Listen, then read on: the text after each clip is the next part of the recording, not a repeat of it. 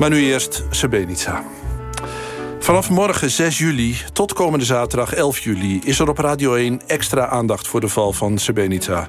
Op de 11e precies 25 jaar geleden. Onderdeel daarvan is een podcastserie gericht op jongeren... die zich die val van destijds zelf niet kunnen herinneren... en voor wie het verhaal vaak nog grotendeels onbekend is.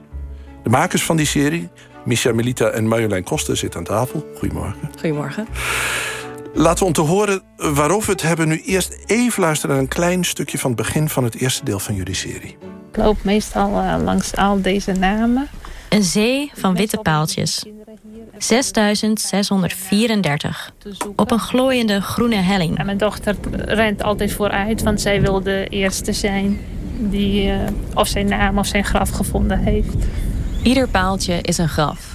Meestal van een man of een jongen die er in 1995 vermoord is. Ook de vader van Alma Mustafic ligt hier. En het is altijd een zoektocht. Al die grafstenen lijken zo op elkaar. We horen jullie daar uh, rondlopen. Jullie zijn in de coronatijd daar naartoe gegaan. Was dat lastig? Ja, dat was wel even een uitdaging. Want Bosnië was ook uh, dicht een tijdje. Ja. Maar toen op een gegeven moment gingen ze weer open. In ieder geval voor uh, mensen met een Bosnische nationaliteit. En voor mensen die voor werk daarheen gingen. Dus we hebben heel veel geluk gehad dat we daar nog een week hebben kunnen zijn. Met dus uh, twee van onze hoofdpersonen die daar wonen. Of tenminste, we hebben er één meegenomen uit Nederland en de ander woont daar. En dat heeft wel heel erg een extra laag gegeven aan de podcast. Dus jullie konden aantonen dat jullie daar voor werk waren. Jullie hadden een... Uh... Ja, inderdaad, met een uh, uitnodigingsbrief. En we moesten ook wel echt een uh, negatieve coronatest hebben. Oh. Dus uh, ja, die hebben we ook nog gehad. Maar de, het verhaal opnieuw vertellen aan een publiek van je eigen leeftijd... die over het algemeen niet weet waar het over gaat. Hoe hebben jullie dat gedaan? Hebben jullie de hele geschiedenis nog een keer uitgelegd? Of wat, wat hebben jullie gedaan? Ja, eigenlijk wel. Um, als je bijvoorbeeld dat voorbeeld hebt hè, van uh, nou ja, een zee van witte paaltjes, zeggen we. Voor mensen die uh, het beeld kennen, is het gelijk heel erg, uh, nou ja, roept het allerlei gedachten op. Maar ja, ik liet het zien aan een paar leeftijdsgenoten en die zeggen, huh, wat, wat zijn dat voor paaltjes? Die, nul herkenbaarheid. Ze dachten, oh ja, we moeten echt, echt weer bij, bij het begin beginnen. En we beginnen op 6 juli, omdat dan de beschietingen in Srebrenica erger worden. Uh, maar in de afleveringen blikken we ook wel terug op de voorgeschiedenis daarvan. En proberen we eigenlijk ook uit te leggen van waarom is het daar überhaupt oorlog? Uh, welke bevolkingsgroepen leven daar? Um, ja, dus eigenlijk hoe is het zover gekomen? Maar waar ik wel benieuwd ben, heel even hoor, is... Vraag even aan jou, Misha. Als je bijvoorbeeld een leeftijdgenoot vraagt van... Hey, wat is nou eigenlijk het probleem met dat Srebrenica? Wat is daar gebeurd? En, en je vergeet even de hele voorgeschiedenis. Wat zeg je dan? Ja, veel mensen weten wel van Srebrenica. Dat is iets ergs, daar is iets gebeurd. Dat is een zwarte bladzijde, noemen mensen vaak. Mensen beginnen natuurlijk vaak over Dutchbed. Maar wat er echt gebeurd is, weten ze gewoon niet. En daar is dus nu ook veel onderzoek naar gedaan... dat in geschiedenisboeken ook maar heel sumier uh, aan bod komt. En het wordt wel meer, zeker met de aandacht die er nu is... voor 25 jaar Srebrenica. Maar mensen onder de ja, 35, 40 weten het gewoon nauwelijks. Hadden jullie dat zelf ook? Dat, je, dat er een tijd is geweest dat je niks wist?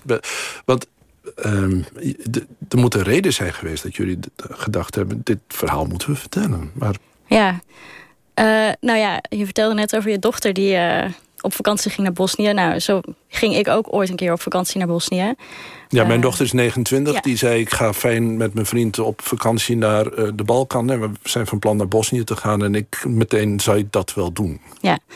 Nou ja, acht jaar geleden dacht ik ook... ik ga op vakantie naar, uh, naar Oost-Europa, Balkan. En ja, het is moeilijk om echt terug te denken van... wist ik toen iets? Maar ja, volgens mij wist ik eigenlijk gewoon echt niks.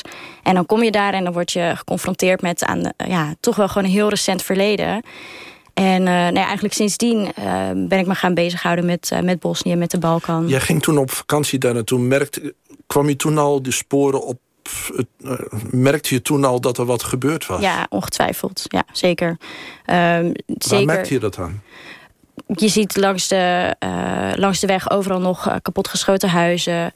Uh, toen, acht jaar geleden, was ook in, in Sarajevo, de hoofdstad van Bosnië... gewoon nog heel veel um, nou ja, kapotte panden. Echt in hartjescentrum, maar gewoon vervallen huizen... die nog steeds niet gerestaureerd waren. Volgens mij is het nu... nu is het echt een heel stuk opgeknapt. Maar acht jaar geleden was dat nog heel erg zichtbaar. Maar ook gewoon in de gesprekken met mensen. Er kan bijna geen gesprek uh, plaatsvinden zonder dat je het erover hebt eigenlijk. Omdat dus ook onze leeftijdsgenoten daar dat hebben meegemaakt. Dus beginnen zij erover of beginnen jullie daar dan over? Nou ja, toen begon ik er niet over, want ik wist er niks van. juist, ja, ja. ja. Wat, wat is... Je hebt dus wat acht afleveringen, geloof ik. Hè? Ja. En als mensen dat gehoord hebben... Wat, is, wat hopen jullie dan dat het die podcastserie doet? Wat, Ja, wat denk ik echt ons doel is... is sowieso die geschiedenis dus aan leeftijdsgenoten vertellen... en laten zien van dit is niet ver weg en niet lang geleden. En waarom is dat belangrijk?